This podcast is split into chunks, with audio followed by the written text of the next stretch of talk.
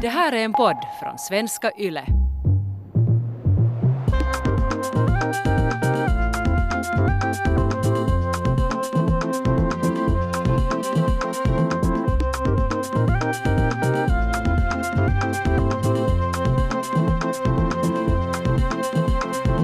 Välkommen till Sällskapet, en kulturpodd med samhällsperspektiv. Sällskapet består av mig, Kie Svetihin, och den här gången sällskapar jag med Tuuli Heinonen och Peter Alfa Kir. Välkomna båda två. Tackar, tackar. Tack så mycket. Jag har Tuuli rakt framför mig här, eh, men med förstås två meters avstånd som det är i Och Finland. plexiglas mellan. Eh, och jag har dig Peter på, på säkert avstånd i Stockholm. Precis. Hur står det till i Sverige idag? Ja, det är kallt som fan. Det är verkligen hemskt. När jag kom på morgonen och skulle ta bilen eh, för att jag undviker nu kollektivtrafiken så var eh, billåset fast, fastfruset. Jag kom inte in i bilen. Så jag bara springa hem och hämta teröd. Ja, det var en fruktansvärd morgon. Alltså vad, förlåt, vad sprang du och hämtade? Teröd, jag, jag vet inte, jag bara improviserade. Och som jag sprutade in i billåset. Aha, ja, så, alltså, så, att man, så att det liksom... Så det löser upp sig. Nå, min syster som har kört mycket bil, hon har sagt till mig liksom för fem år sedan att du måste köpa sån här låsspray, sån här som det. öppnar, att det liksom är När jag värt stod det. i butiken och så snålade jag ur och så tänkte jag nej jag har en flaska teröd hemma. Jag använder teröd också för att sprita händerna, det är inte alla som gör. Vad är teröd? Det är, det är, i, i, I Sverige har vi liksom etanol, vanlig sprit som är Ah. sådär 90-95 procent. Och sen häller de in lite rött kräkmedel så inte fullgubbarna, fyllegubbarna ska dricka det. Mm, och då blir, kallas det för teröd. Ja, ja, så sprit. Vanlig sprit ja. Spännande. Mm. Eh, Tuuli, vad tänker du prata om idag? Jag ska prata om eh, kläder, mode och eh, klädstil. Okej, du vår mode, eh, heter det. Jag personligen är kanske inte en trendsättare, men jag har lite, lite syltat in mig i trender 2021. Spännande. Peter, vad ska du prata om? Jag ska prata om kroppen och den njutning man får av att titta på en naken kropp. Om man nu får den njutningen. Jag ska prata om sexuella övergrepp och gråzoner om CIA-agenter och Julian Assange, om gaslighting och stelting.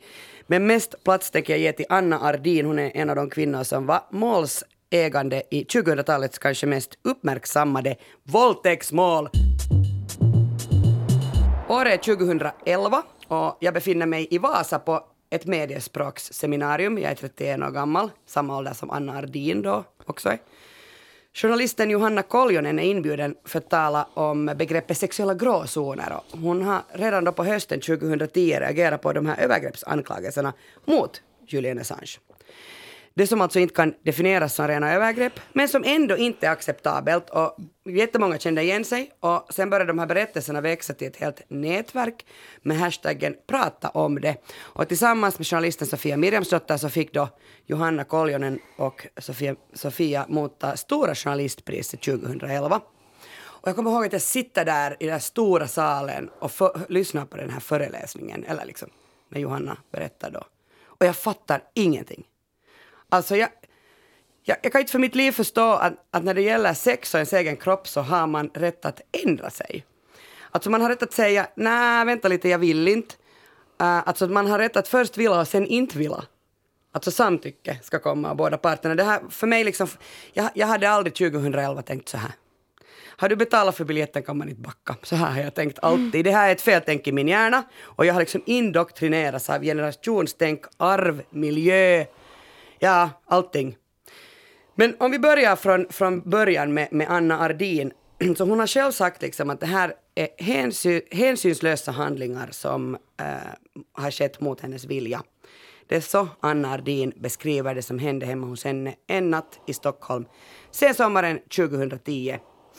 Och Julian Assange har eh, kommit till Stockholm då i augusti och han är en hyllad yttrandefrihets yttrandefrihetskämpe. Fast han är väl inte kanske så hyllad, för det är inte jättemånga som vet vem han är. Men Wikileaks har liksom kommit. Kommer ni ihåg det här 2010 när Wikileaks kom? Ja, jag var inte själv så där jätteinsatt, men jag kommer ju liksom absolut kommer ihåg att det var, det var mycket snack. Det är alltså eh, journalister och, och kinesiska eh, dissidenter och nätaktivister som har grundat Wikileaks. Det här är en internationell ideell förening som offentliggör hemligstämplat dokument eh, och så här privat, alltså privata dokument och filmer. Och det liksom som har väckt kanske mest uh, upp, uppseende är den här Collateral Murder som visar hur amerikanska soldater själva filmar hur de skjuter och dödar civila irakier. Kommer du Peter ihåg det här? Jo, jag kommer ihåg det. Var, det var ett stort uh, upprördhet kring det där.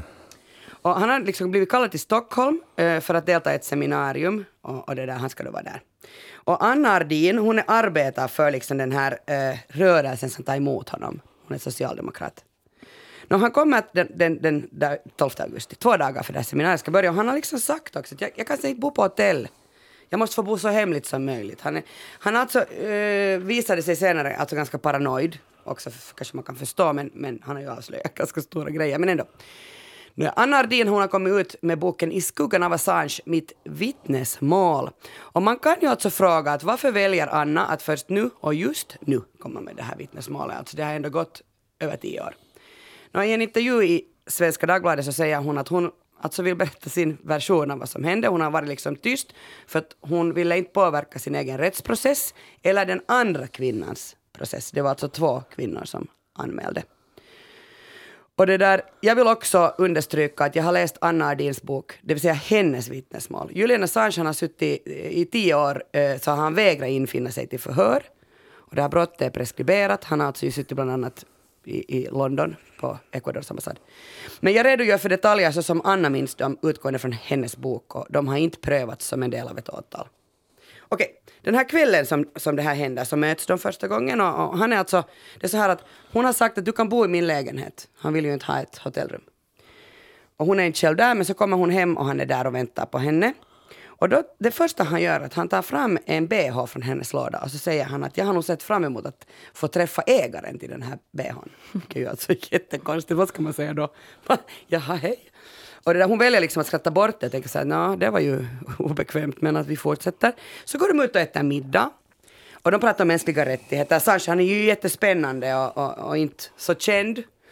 Och de pratar om frihet och värderingar. De har en helt trevlig kväll och Anna, Anna säger i den här boken att hon tycker ändå att det enda som var lite konstigt var att han hade, de hade olika syn på feminism och kvinnors rättigheter. Han till exempel tycker att feministerna har orsakat kriget i Afghanistan och hon tycker att det var ett jättekonstigt argument. Nåja. Så, får vi, så blir det natt, de är hemma i hennes eh, lägenhet och de börjar hångla, de har sex. Men hon vill avbryta, men hon känner liksom att det finns nu ändå här ett outtalat krav på henne. Hon har ju sagt ja, hon har ju redan börjat.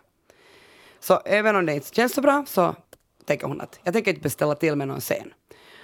Och det där, en stund tycker hon också att det är helt kiva.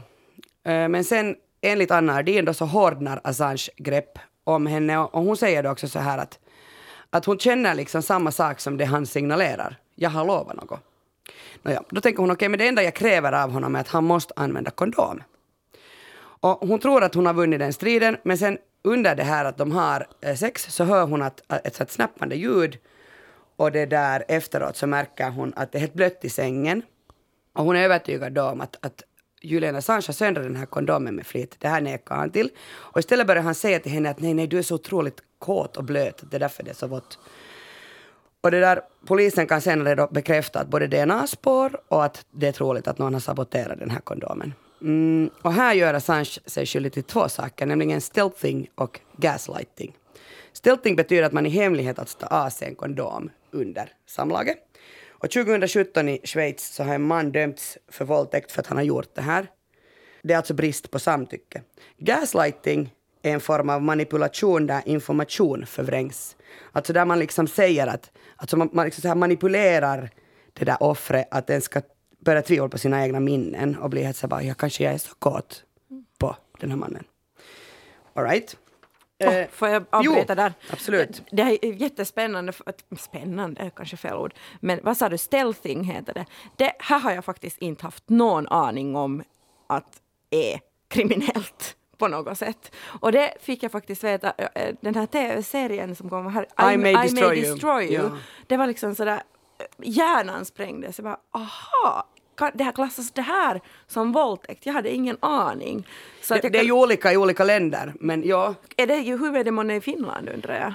No, vi har ju inte ännu fått riktigt samtyckeslag. Nej, precis. Men Sverige har en samtyckeslag. Men, men alltså, jag läste jag läst liksom sån här... Um, jag sätter alla, alla mina källor i, i det här hänvisningarna, äh, i referenser där i, i, på arenan sen. Men jag läste alltså en, en artikel om, om Alltså, så- eftersom det stealthing, du, du utsätter ju den andra människan för till exempel risk att få uh, könssjukdomar. Ja, ja. Eller bli gravid. Ja, Och då är det ju inte samtycke. nej. Förutom om du, du ska ha gått med på det. Ja, precis. Men, men den här, den här I may destroy you, den, den synliggör det ja. Verkligen, och det var så att åh, man blev liksom nästan, alltså ja, det var oväntat och sådär. Jag vet inte om jag skulle själv förstå att eh, anmäla en sån incident.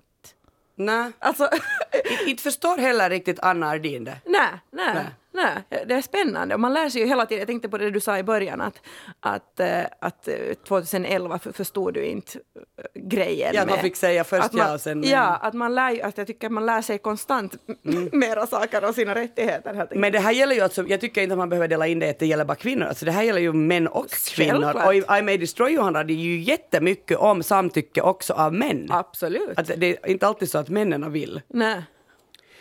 All right. Eh, uh, no, några dagar efter det här som hände den här natten så anmäler Anna Ardin Julian Assange för sexuellt ofredande och olaga tvång. Och den här andra kvinnan, de är två, så hon anmäler honom för våldtäkt. Och han anhålls i sin frånvaro, han nekar till anklagelserna, han hävdar att han fruktar att Sverige ska utlämna honom till USA. Och enligt Assange försvarsadvokat så har han frivilligt haft sex, alltså de har haft frivilligt sex, alla har haft samtycke här. De säger bara att nej, nej, det handlar om bristen på skydd. Och det är då som Julian Assange går ut i Aftonbladet och säger att det här är smutsiga tricks från Pentagon. Anna anklagas för att vara en CIA-agent. Och jag kommer ihåg att jag trodde på det. alltså sådär, på riktigt så trodde jag på det. Och det där, eh, tanken var liksom att, att Julian skulle stanna i Sverige, men i och med de här brottsmisstankarna så flyr han. Och det här blir nu inledningen på en så här jätteutdragen process som aldrig får en rättslig upplösning. Julian Assange åker till Storbritannien, han grips och sen släpps han mot borgen. Och det är tänkt att han ska utlämnas till Sverige för att stå inför rätta. Men 2012 lyckas han ta sig till Ecuadors ambassad i London och där han söker och får politisk asyl. Mm. Pressen, eh, eh, ja, för man blir ju sen då undra, vad hände med Anna? Och nu vet ni säkert en del, va? Eh, frågar jag nu. Pe- Peter, var du verksam journalist under de, det måste du väl ha varit? Jo, men jag var nog i Finland Du den var i här tiden. Finland. ja. Okej, och, och, och Tuuli, du har tittat på Kalla fakta så du har lite koll på det här. Men, men alltså det som händer Anna är alltså att pressen börjar jaga henne dag och natt. Hon blir uthängd. Någon går igenom soppåsen. Hon glömde sitt trapphus. I receptionen på hennes jobb står människor och väntar på henne. Hundratals personer på nätet berättar att de vill att Anna Ardin ska spärras in, dö, våldtas. Hon tvingas leva med personskydd. En tid eh, är hon tvungen att flytta utomlands under fejkat namn. Hon anklagas då, som jag sa, för att vara CIA-agent, för att motarbeta kvinnokampen och för att motarbeta eh, arbetet för mänskliga rättigheter. Idag bor hon på hemlig adress i Stockholm. Och det är liksom så här att den 14 november 2019, alltså, så hör, det är nu, ja, lite drygt ett år sedan, så hör, hör en vän av sig och hon har suttit på ett tåg och så har hon hört en ung liten flicka berätta till sin pappa att de här anklagelserna mot Julian Assange är falska och hon gör, redogör sig jättedetaljrikt eh, för en av de här konspirationsteorierna som har florerat i ja, över tio år. Att Anna Ardin är en CIA-agent som dessutom har agerat i fälla svartsjuka och det är då som Anna bestämmer sig. För att nu, nu skriver hon den här boken. Så det liksom finns ju en sån här upprättelse här för Anna. Hon, hon vill alltså berätta sin version. Och för Anna Ardin så har de här senaste tio åren handlat om två processer. Dels är det den juridiska, Eh, och där har vi ju då nått vägs ände. Och sen parallellt så har det rasat en sån här folkdomstol eller en sån här drevtribunal i tidningar och sociala medier. Men vad är det som händer med Assange? Eh, uh, no, han blir ju kvar där på ambassaden. Vi har alla sett de här bilderna. Han har någon katt där och, och, och så här. Och 2015 går preskriptionstiden för de här misstänkta brotten mot Anna Ardin ut. När våldtäktsanklagarna an- Våldtäktsanklagelsen från den här andra kvinnan de står kvar och den här svenska förundersökningen läggs ner några år senare. Och till sist så blir Ecuador ett, ledsna på att, att agera hus åt Assange varpå han grips eh, på ambassaden av brittisk polis. Och man återupptar den här svenska undersökningen i några månader och sen dess har han suttit häktad i, US, i, sen dess har han suttit häktad i Storbritannien i väntan på ett beslut om han ska utlämnas till USA. Och i USA så anklagas han ju då givetvis för spioneri och dataintrång. Och det senaste budet som kom alltså helt i början av januari i år är att han inte ska utelämnas till USA. Mm. Okej, okay, det är hösten 2017 och dammen brister, som en finlandssvensk metoo-rörelse, så liksom har genomsyrat hela mig och hela mitt sammanhang. Metoo kommer alltså sedan efter att förändra hela världen. Mm, och jag reagerar som, som det har blivit en vanehandling för mig, genom förnekelse. Jag har nu då aldrig varit med om några sexuella övergrepp, ja. eller våldtäkter, va? Eller omfamningar mot min vilja. Jag kommer ihåg att jag var just sån som var såhär, vadå, alltså jag har nu aldrig mjö. Alltså sådär störande, som jag vet att en del kvinnor va. Men det där, sen så började jag tänka efter och det tar ganska lång tid innan jag börjar inse att ja, det har varit fingrar där fingrar inte ska vara, söndriga kondomer, tvång, övergrepp. Jag orkar inte alls tänka ens på hur många gånger det här har hänt. Och när Assange till slut då 2019 släpas ut från Ecuadors ambassad i Storbritannien i London med glest vitt skägg så ser han ut som en galning som man har hittat på gatan. En gång ställde han liksom sin eh, visselblåsarsajt i journalistikens tjänst och han ville liksom avslöja lögner. Men det här har slutat med att han gick helt vilse i sin egen skräck för han ville inte bli fängslad i USA.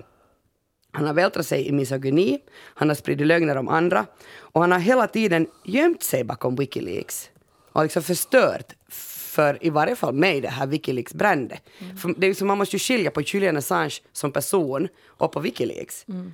Och för mig blir den här Anna Ardins bok en sån här symbolisk eh, slutpunkt för ett decennium där liksom så här berättelser om sexuella övergrepp alltid har stått i centrum i både samhällsdebatten och, och journalistiken. Och jag menar, jag nämner nu bara några namn. Jeffrey Epstein, eh, Michael Jackson, R. Kelly, Jean-Claude Arnault, Veijo Baltzar. Så mycket talar för att Julian Assange alltså kommer att minnas som en av de här i den här raden av män. Mm. En människa som Julian Assange kan ha liksom jättemycket goda egenskaper.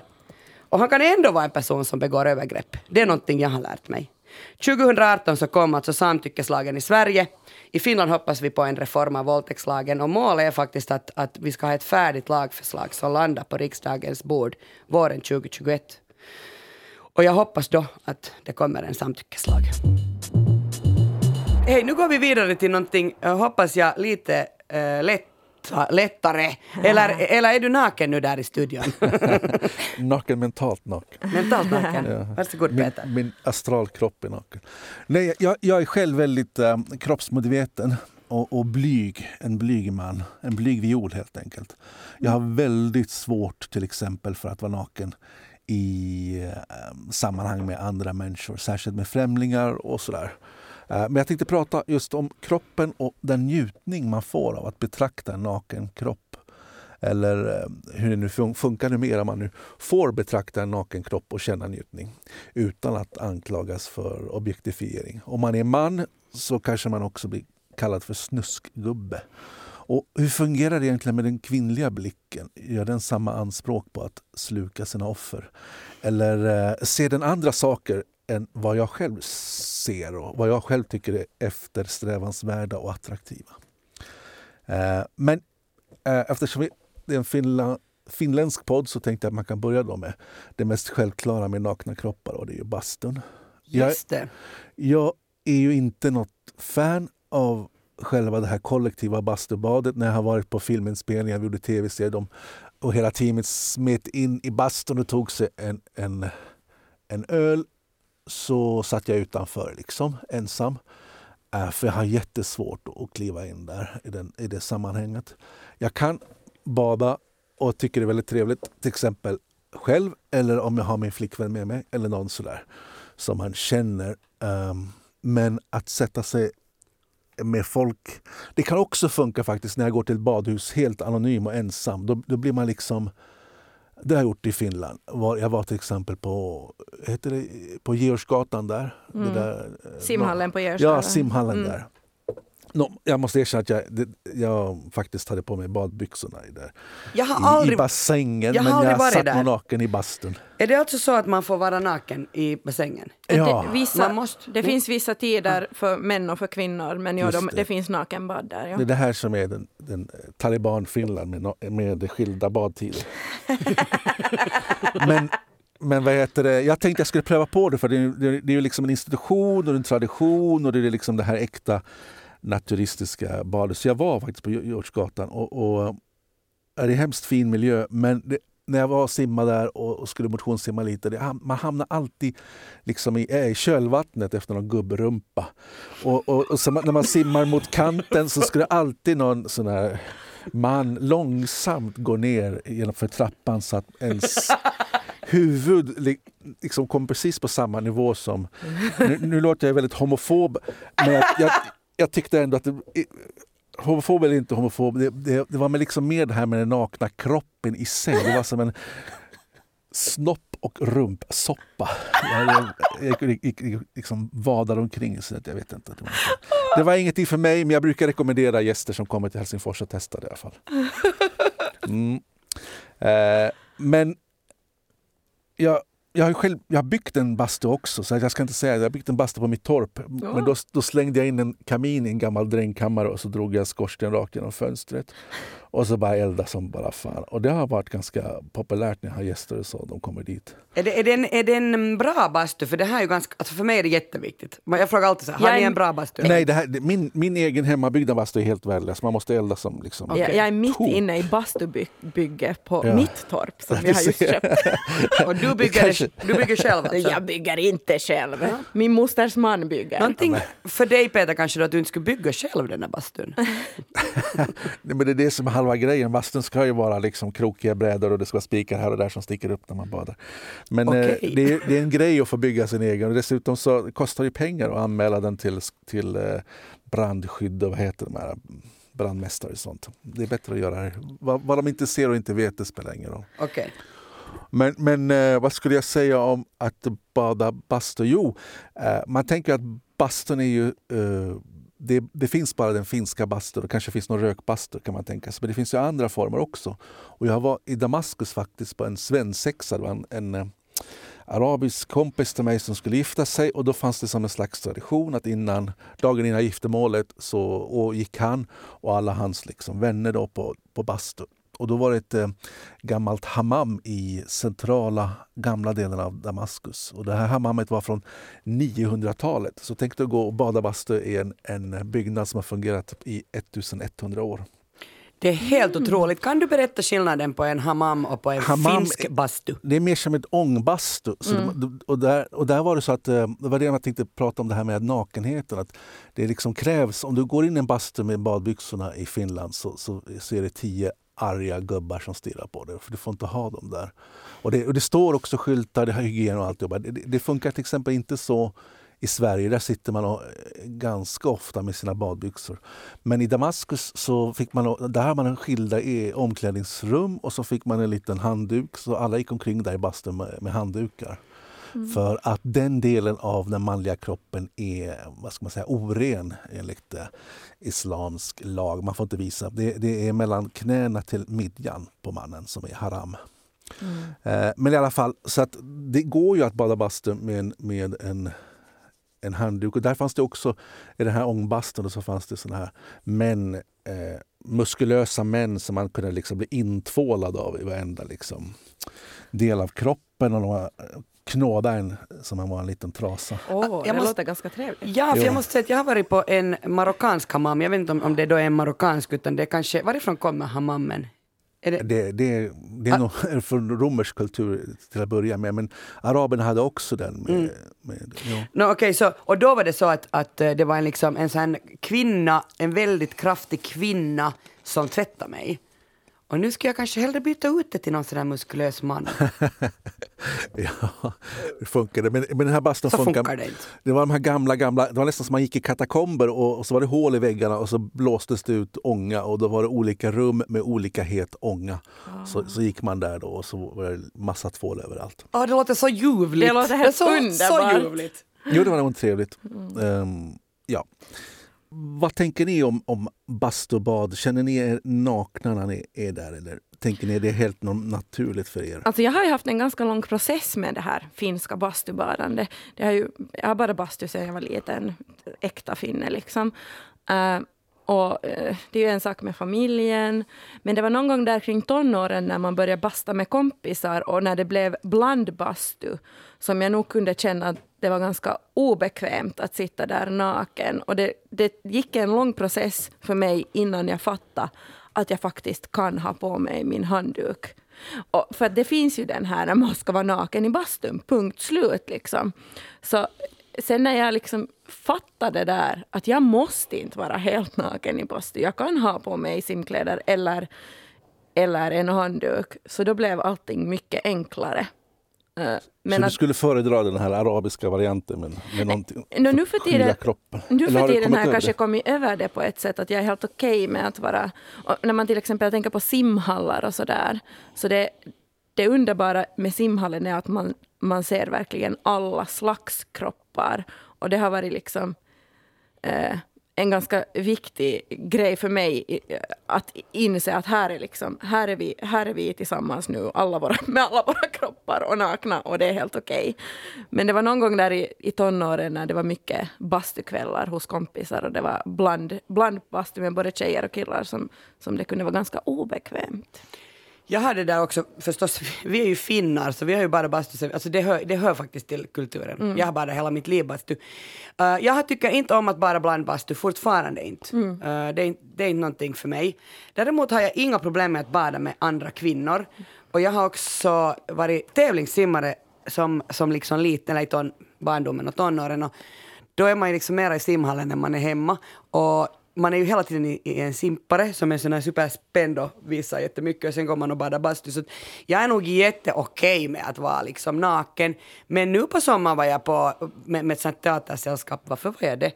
Med Hangö teaterträff och då liksom var det just sådär att, att de här teatermänniskorna ska ju alltid vara nakna, man ska alltid bada blandbastu. Ja. Och det är just sådär att de där snopparna dinglar i ens ansikte medan man sitter och pratar om någon analys. Och jag tycker att det är lite jobbigt. Nej men och det kan jag förstå för att just i teatervärlden så är det ju mycket blandbastu och man bastar efter föreställningar. Det finns bastu på de flesta teatrarna och sådär. Och vilket är underbart att få basta efter att man har svettats på scen i tre timmar. Men där har jag också tagit liksom ett va, jag måste inte vara naken. Alla andra får vara hur nakna de vill, men jag måste inte. Och det är jätteskönt när man kan ta det beslutet. Nu har jag på mig min handduk och det gör inte mig till en sämre skådespelare. Okay, bra tips! Ska... Så, så, vi kan komma fram till att, att, att det finska bastun kräver ett slags samtycke också? Eller? Ja, ja absolut. Överenskommelse. Ja, en överenskommelse, båda ska vara med. Och man ska vara lyhörd för sina egna gränser. Bra. Ja, det är bra. Jag, nej, men jag suger upp med det här vad ni säger. Mm. Uh, för, det, för det finns ju också uh, ett uh, kallbadhus i Malmö som kallas för Kallis. och det är väldigt fint, det är långt i havet och i Malmö är det ganska varmt och snöfritt oftast så man kan bada året om där i det kallbadhuset. Och där har de en man och en kvinnosektion. Men när de försökte liksom att fräscha upp det här och ville inkludera hbtq-personer och kommunen också hade ett krav på, på badhuset att eh, minst en dag, en dag i månaden så ska ni ha en queer queer-dag och de kallar det för queer kallis. Och det var väldigt eh, uppskattat till en början. Men vad hände? Vad hände när man liksom plockade bort sektionerna manligt och kvinnligt och alla var i alla rum? I bastun och i de olika bassängerna. Jo, eh, helt plötsligt så invaderades den här queerdagen av massa män som gick omkring och, och liksom stirrade på folk. Nej, så att eh, de här icke-binära människorna eh, kände sig uttittade och även eh, kvinnorna som tidigare haft sin egen bastu och sin egen eh, naken pool eller del som man kunde bada nakna. Där satt det liksom gubbar och skrevade och stirrade bara. Nej, men gud vad tröttsamt. Ja, jättetröttsamt. Och när, man, och då, när folk gick fram och konfronterade de här människorna och sa varför sitter ni där och stirrar? Kan inte, ser ni inte att vi känner oss, uh, att det är obehagligt? Så säger de, vadå, vi, vi får vara här nu. Det, det, det var rättighet. Det var ja, rättighet ja. att vara här, det är en queer-dag. Och de andra kanske sa, men vadå, vi kanske identifierar oss som, som queer också. Det vet ja. inte ni. Så det, så det, det är, inte så helt, nej, det är inte helt lätt. Och då kan man undra, också undra de här männen som, som kliver in där på queerdagen och, och för att få titta då på, på nakna kvinnor, framförallt antar jag. Um, varför att, eh, jag, jag skulle tycka det var väldigt pinsamt att gå in på en queerdag bara för att titta på nakna kvinnor. Det skulle liksom gå helt emot eh, hur jag tycker och tänker och känner. Men vad är det då som driver en man? Det här är också någonting som man använder inom filmen. Man tänker sig att filmkameran är en ställföreträdande blick och man brukar prata om den male gaze, den manliga blicken. Vad är det som gör att eh, främst då män eh, får en sån njutning av att titta på nakna kroppar och då främst eh, kvinnokroppar? Frågar du oss? Ja. Det där, men jag kan ju nog tycka om att titta på nakna kroppar. Nu kan jag nu medge det. Mm. Jag tycker ju om att titta överlag. Alltså jag tänker mer, jag, jag är ju sån här voyeurist. Alltså jag, tycker, jag älskar att sitta i min lägenhet och titta in i, i liksom grannhusets lägenheter. Nåja, men det var kanske inte riktigt nu det du Jo, men det, det, är precis, det, det stämmer. Voyeurismen är en del av den här blicken. För det, man brukar prata om något som kallas för skoptofili. Har ni hört talas om det? Nej. Och det är, eh, man brukar använda inom filmvetenskap. Det är den här driften att våra ögon liksom glider mot, mot tuttarna, mot rumpan, mot könsbehåringen. I alla fall för en man. Då. Man kan inte låta bli. Men skoptofili och den manliga blicken, som man brukar beskriva den som att man, eh, det är någonting som man vill man har en hunger eller man eh, slukar någonting. Om man tänker i film så brukar kameran glida över en kvinnokropp eller man, man fastnar någonstans, man följer rumpan, man, man, man hamnar vid brösten väldigt lätt.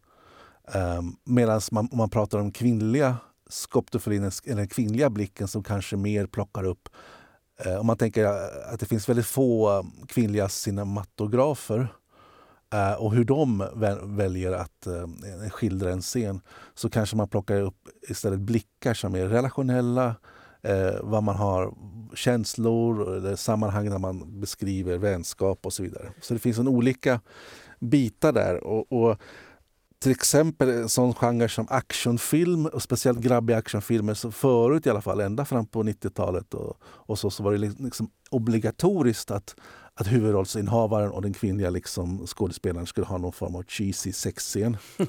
och när det kom någon bakgrundsmusik och det var liksom eh, motljus och det skulle vara svettigt och sådär. Och, och jag, jag, minns också att jag tyckte att de, alla de här var bara en transportsträcka. Satt man med, med sin hyrda video så spolar man bara framåt. För min del var det så. Jag vet inte hur det är med er. Uh, men men för, det var liksom, det var ingenting man ville se. För det, oftast var det, det var, man, man blev illa berörd av de där um, obligatoriska sexscenerna. Men jag tänker allt liksom som kom från USA var ju ändå så jätte... Man, för mig är liksom amerikansk eh, Hollywoodfilm så väldigt pryd mm. ja. kultur, att man liksom aldrig visar ändå någonting. Mm.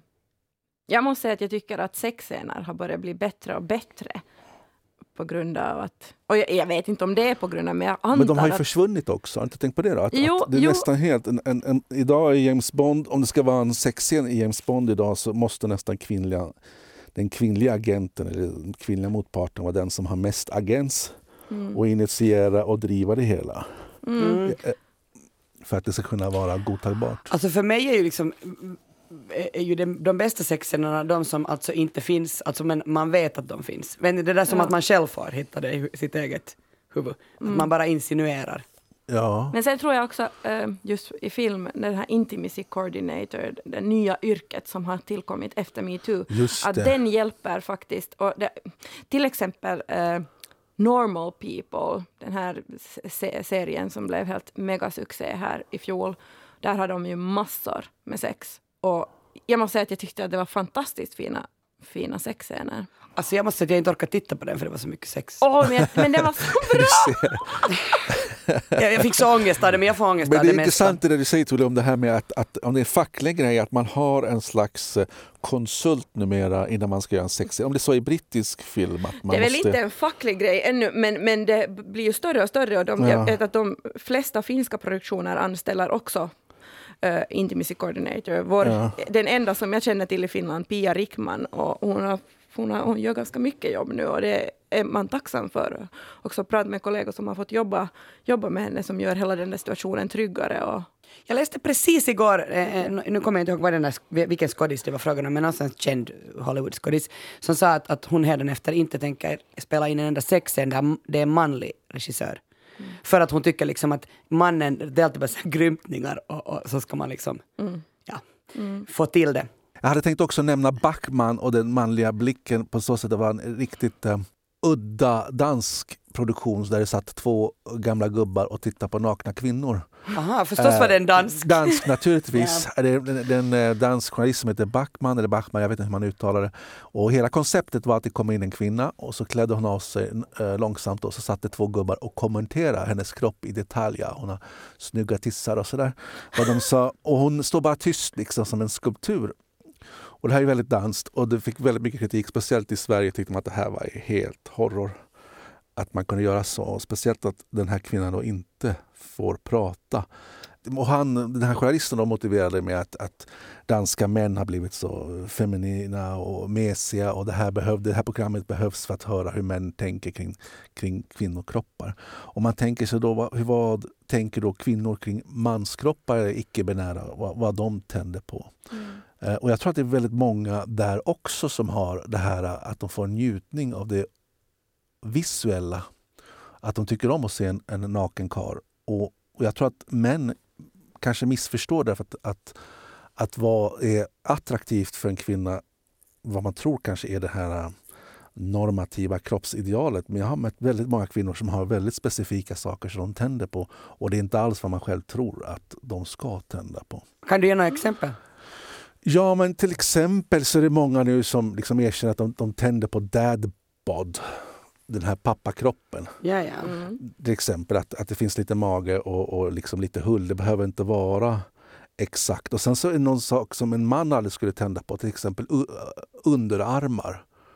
Eh, muskulösa underarmar med ådror till exempel är många kvinnor som tänder på. Det tycker jag att det är snyggt faktiskt. Du ja, du jag, kan, jag kan förstå dadbad-grejen. Ja. För att jag, om, jag, om det kommer en sån här perfekt tvättbräda framför mig så blir jag kanske lite rädd till och med och så här, nej gud, vad jobbigt. F- Får jag här i mitt, jag måste få tipsa, Anne Hietanen, min kollega, hon har Just gjort det. en fantastisk eh, andra säsong av serien Kroppen och livet, som alltså, den handlar eh, pre- precis, precis om det här som du pratar om, alltså vår egen blick på, nåja den handlar mer om kanske blick på vår egen kropp. Men, men gå in och lyssna på arenan, där finns en helt ny säsong. Vi lever ju just nu i mysbyxans tid, uh, som jag personligen älskar. Jag trivs i, i mysbyxor. Uh, men det här tyckte jag var väldigt intressant. Um, I en intervju på P4 Extra så säger Emma Severinsson, hon är lektor i modevetenskap vid Lunds universitet. Hon säger att coronastilen ger oss svagare personlighet. Eh, när vi under pandemitider inte klär upp oss och träffar kollegor lika ofta försvinner en del av vår personlighet.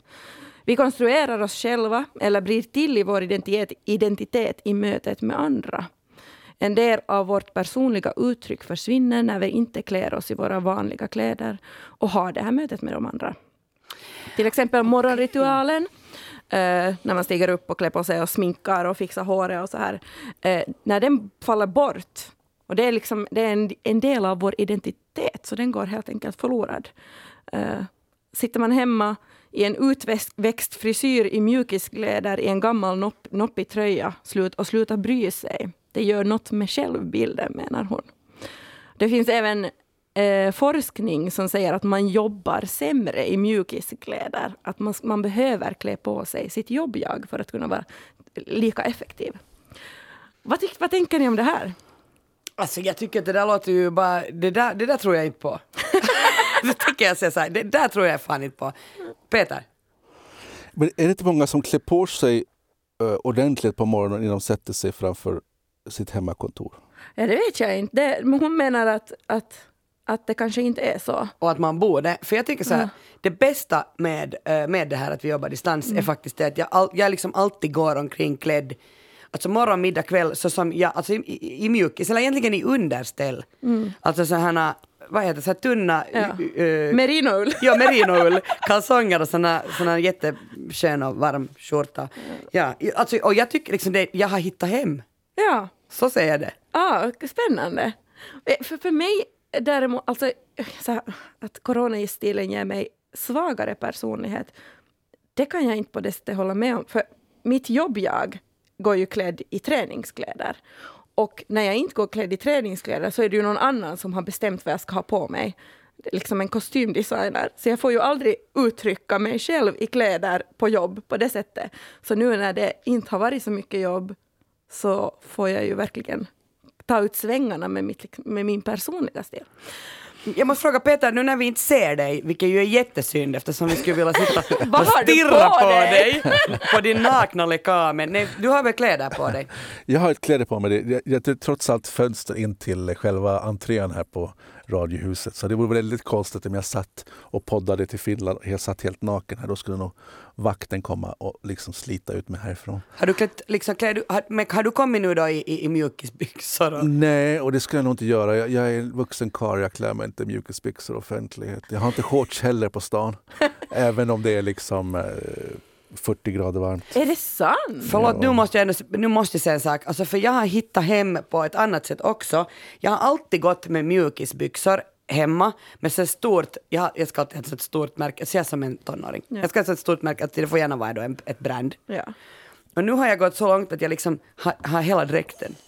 Wow. Ja. Men det är ju Men du, också... har- du har inte skaffat One Piece då ännu? Nej, One Piece tycker jag är faktiskt jättelöjligt. Det är inte One Piece, utan det ska vara ett par mjukisbyxor och, och, den här, och en sån här hoodie. Och det ska gärna ha ett stort märke som står på. Så här så skulle jag Äsch att jag inte klädde mig så idag, för jag faktiskt funderar på det på morgonen, att jag skulle vilja klä mig så här, men det är så slaskigt där ute. så Men, men det, nämner, det nämner Emma Severinsson också, att man nu borde ta tillfället och, och inskaffa liksom en lite lyxigare eh, mjukisdress på det sättet. Att liksom, Mhm, okej. Och det verkar ju som att du har gjort det. Ja, du har omedvetet. Ja.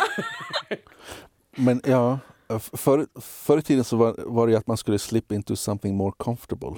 Ja. Om ni minns i alla filmer så kommer Ja. man tillbaka i negligé. Men det kanske, inte, det kanske är att gå lite väl långt då, eller? No, Och herrarna brukar ha såna här rökrockar. Ja, och vet du vad? Nu när jag har liksom kollat, jag har ju tänkt sådär att, att eh, jag menar, mode är ju någonting som följer med tiden och att de måste ju tagit i beaktande den här mycket, att folk vistas hemma helt enkelt mera. Och, och för herrmode 2021 så har de faktiskt tagit det här väldigt mycket i beaktande och menar att loungewear ska bli liksom eh, bli en stor hit. Och det är just de här eh, silkesrockarna och glammiga tofflor. Och, Just det. och, och vilket jag tycker är spännande. De skriver så här på gentlemannaguiden.com, herrmodet 2021. Eh, det som är speciellt för detta års mode för män är att vi ännu påverkas av det rådande läget med coronapandemin. Det har gjort att kläder för hemmabruk blivit ännu viktigare. Hållbarhet är i fokus. Eh, man blickar tillbaka till 30-talet eh, för inspiration. Men nu är det andra faktorer som, som, eh, som spelar in. Och här kommer en, en lista på vad som blir liksom it-plaggen för 2021 för män. Okej. Det är hoodien, eh, loungewear som är allt det vad jag nämnde, just tofflor, rock, silkesrockar, accessoarer, munskyddet givetvis. Ytterplagg är dubbelknäppta rockar, duffeljackan, dunväst, dunväst oljejackan som är så här, eh, byxor, en korsning mellan skräddade och gympabyxor. Det är någon slags liksom bekväm snygg byxa, låter det som för mig i alla fall. Snygga regnkläder och accessoarer, liksom, eh, häftiga paraplyn. Vilket jag tycker låter ganska trevligt. Men däremot för kvinnor så tycker jag inte att bekvämligheten tas i beaktande överhuvudtaget. Det är en, det är en lång lista, var det 13 olika it-plagg för kvinnor för 2021, eh, varav en är sweatshirt 2.0. Och de säger loungestilen är här för att stanna, vilket det förstår jag. Men de, resten är alltså skarpa axlar, det är liksom axelvadd men, men skarpare. Uh, långa silhuetter, och det, är för sig, det här kan vara ganska skönt, liksom långa flowiga byxor, men det är ju något silkestyg och så här, så det är inte, ja, jag vet inte hur mysigt det sen är. Glansigt, mycket paljetter, uh, metalliska kulörer, holografiska tyger, uh, cutouts, alltså hål i kläder, vilket ju är typ det obekvämaste jag kan tänka mig. Och jättejobbigt, för de måste ha så många lager. Jo, och också så här liksom att det inte får vrida sig, man måste hela tiden kolla att den sitter rätt. Uh, färg mera, så det är liksom helt hejvilt med färger. Grönt, gult, orange, blå- blått och rosa och allt ska man kombinera. Uh, djärva mönster. Alltså jag får helt så här migrän Ja. när du läser upp det där. Lätt och luftigt, alltså transparent, så man ska liksom, ja, det ska synas igenom. BH-toppen, så att i en så litet tyg som möjligt. Eh, knalliga färger, ehm, poppigt orange, eldrött, kanariagult, tjockrosa, mintgrönt och nät. Så ännu någonting. sweet. 2021 alltså för kvinnor. där. Ja, och jag, jag blev lite provocerad. Det var liksom allt som hade med man, det manliga modet att göra är liksom ganska sådär praktiskt, eh, bekvämt och sen för kvinnorna så ska man bara visa mera hud. Men kan man inte bara skita i de här könsindelningen och sen så klär man sig då som en man? Jag, jag köper jätteofta faktiskt kläder från, från vad heter det, mans, manavdelningen. Ja, ja. För att de, det är, jag vet inte, snyggare och bekvämare och större. Ja. så det här tyckte jag var... Men jag tycker det mansmodet låter ju väldigt likt eh, vad vi i Sverige har som en slags... Eh, om man är gangster eh, och är ute i förorten så klär man ju så. Det, är- man, har, man går omkring i mjukisbyxor. Och de här Ja. stora, stora hoodiesarna och stora dunjackorna. Så kanske man har en, om man ska vara verkligen fräck, så har man en liten becknarväska. som, är, som, är, som är en liten mail purse, eller vad man ska kalla det för. Jag, Ja, jag, jag tänker så här att, att ni, ni vet när eh, munskydden kom, eh, i varje fall här i Finland, förlåt Peter, men i, i Sverige kanske ni kommer på att ni ska använda dem snart. Så det där, Vi, vi kommer komma på liksom att vi ska använda munskydden lagom till att alla är vaccinerade. ja, då är det, då är det så här. Då är det dags. Ja. Så i varje fall så kommer jag ihåg att jag tänkte så här, åh nu kan man laga, köpa sådana jättefärggranna och roliga munskydd. Men vilken munskydd eh, var det hetaste? Jo, det svarta. Men det, alltså, det, jag tycker faktiskt, jag går, det här är ju min trendspaning, men jag går alltid med mitt svarta munskydd, jag vägrar ha något annat. Och det finns nu för tiden de här ljuvliga engångsmunskydden som är svarta. Ja, det, har- det har jag sett faktiskt. Och, det där, och min spaning är faktiskt fortsätta på det här, att jag tror att svart och, s- och litet. Alltså svart och spänt. Och nu ser du inte Peter den här vackra lekamen som sitter här framför Tuuli, men jag är helt klädd i svart, så vanligt. Ja. Också jag kan ber- berätta att min mjukisdräkt, Är den är svart. Men, det där, men jag har liksom svarta, svarta spända jeans, svart spänd skjorta och en t-skjorta, sen rock'n'roll t-skjorta på. Och jag tror att det här är, alltså min trendspaning är att vi kommer klä oss mera i svart och kvinnorna kommer klä sig så här i spända kläder. Men alltså, Jag de, hittar bara på det där, men, men det är min spaning. spända kläder. Jag tror ju absolut inte att kvinnor kommer att äh, klä sig i spända kläder. Inte i alla fall jag. Okej. Jag klarar inte av det. Jag måste berätta bara mitt, min munskydd. Det är rosa. Jag vet, det är fint. Det är jättefint. och det går i färg med din halsduk, jag tittar nog. Ja, ja, ja, ja, ja. Så mycket kanske så här. Har ni tänkt på att den här liksom, i västvärlden så förhatliga burkan är ju helt rätt just nu? Ja, Ja. Va, Den här niqaben när man har bara en liten, liten ögonspringa och så är man helt klädd i svart. Svarta Mm. skynken. Det måste vara väldigt coronasäkert. Så går vi ju omkring här. Ja. Så. Alla går i niqab. ja. Ja. Mm, mode. Mode. Så vi, vi får faktiskt se vad som händer. Sen meddelas det också, eller meddelas, sen se, säger de också i båda, båda artiklarna, både, både för män och för kvinnor, att eh, i något skede eh, när, när hela pandemisituationen har liksom lösts upp sig lite grann, så då kommer fest och färg och party-outfiten. Men eh, för männens del så, så menar de att det, kan, det kommer inte att hända i år, men för kvinnorna så, så, så säger de att det ska hända redan i år. Jo, jag kan, det brukar alltid vara reaktion mot reaktion. Jag kan tänka mig att efter corona här så kommer alla gå omkring i någon slags taxidos istället. Man vill verkligen klä upp sig och vara fin. Ja. Man har suttit i mjukisbyxor i ett och ett halvt år. Ja, the roaring twenties återkommer. Ja, Eftersom, återkommer. jag, jag, jag skulle alltid ge tips, nu tänker jag ge ett tips på min, eh, det, det bästa konto jag följer på Instagram eh, när det gäller mode heter Trendspaningarna. Och det där, här, här kommer det liksom trendspaningar. Och de, det, jag vet inte riktigt vem det är som, som alltså eh, postar på det här kontot, men det senaste jag kan se är att de har skrivit färgen eh, brunt är totalt ute. Den ska ni inte använda mer. Aha. När har den varit inne? Den har varit tror jag inne. Jo, alltså sådana Va? beigea, bruna färger har ju varit... 2017, 2018 har det varit liksom så här, då ska man just Ja, vara ja. beige. Ja. Hej men fantastiskt, Eh, vi går i rask takt vidare. Eh, varje vecka frågar jag ju av er att vad i kulturveckan kan ni inte släppa och eh, jag tänker börja med dig Peter, vad kan du inte släppa? Alltså det här är helt fel eh, att tipsa om det för det, är, det handlar om filmen Dune som har premiär först i oktober men nu har trailern kommit. Och jag, jag, väldigt, jag, jag, tipsar ju bara om dålig science fiction Ja. eh, här va? så jag ska fortsätta nu också. Bra! Men trailern har kommit och den verkar väldigt eh, spännande. Som vanligt är det, känner ni till Dune? Det är Frank Herbert. Det handlar om en ökenplanet där man liksom skördar en mystisk krydda som är blå eh, och som ger en, ger en eh, psykiska krafter och så vidare. Och, så, och så är det interplanetära konflikter. Och, Nej, i, ja, och på den, här, Okej. på den här ökenplaneten så finns det enorma maskar som de, de, de, liksom, de här arabliknande ursprungsbefolkningen har lärt sig att eh, vad heter det, rida på.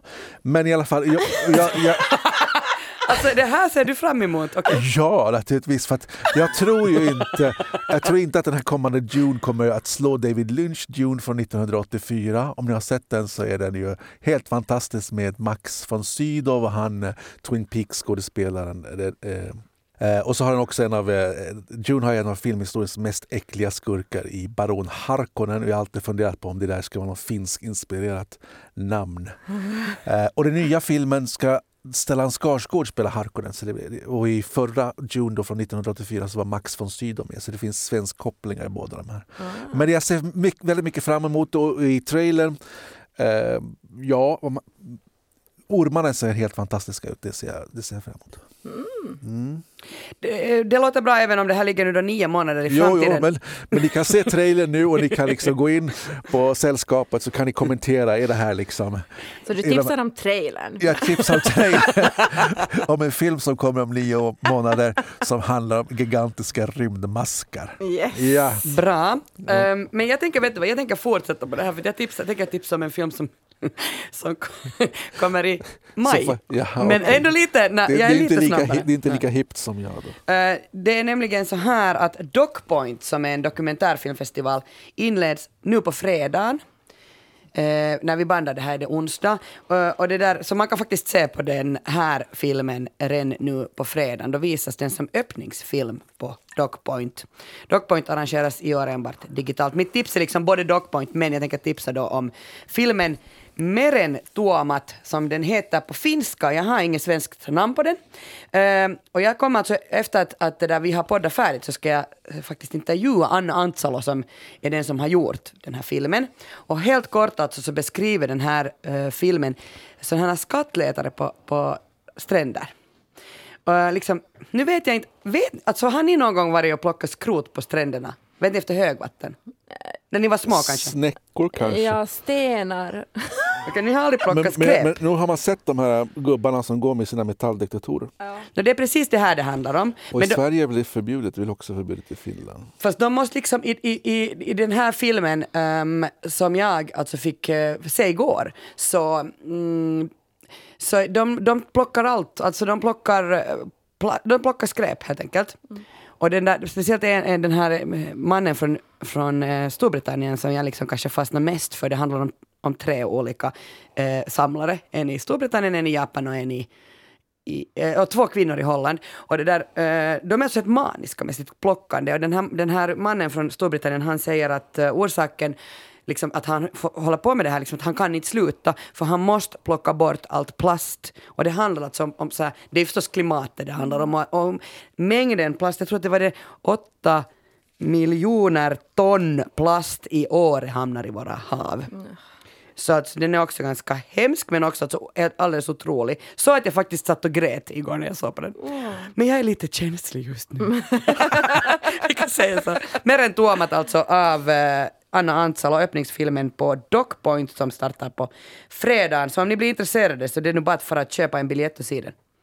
Tuuli, vad tänker du tipsa om? Jag ska tipsa om någonting som faktiskt går att se nu direkt Yes! på arenan.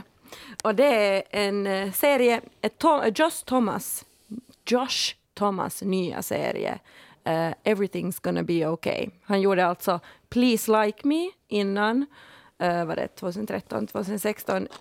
Ha, Josh Thomas uh, är liksom skaparen för serien men han, också, han spelar också huvudrollen själv han är, han är som mitt kraftdjur. Ja, Han är helt underbar.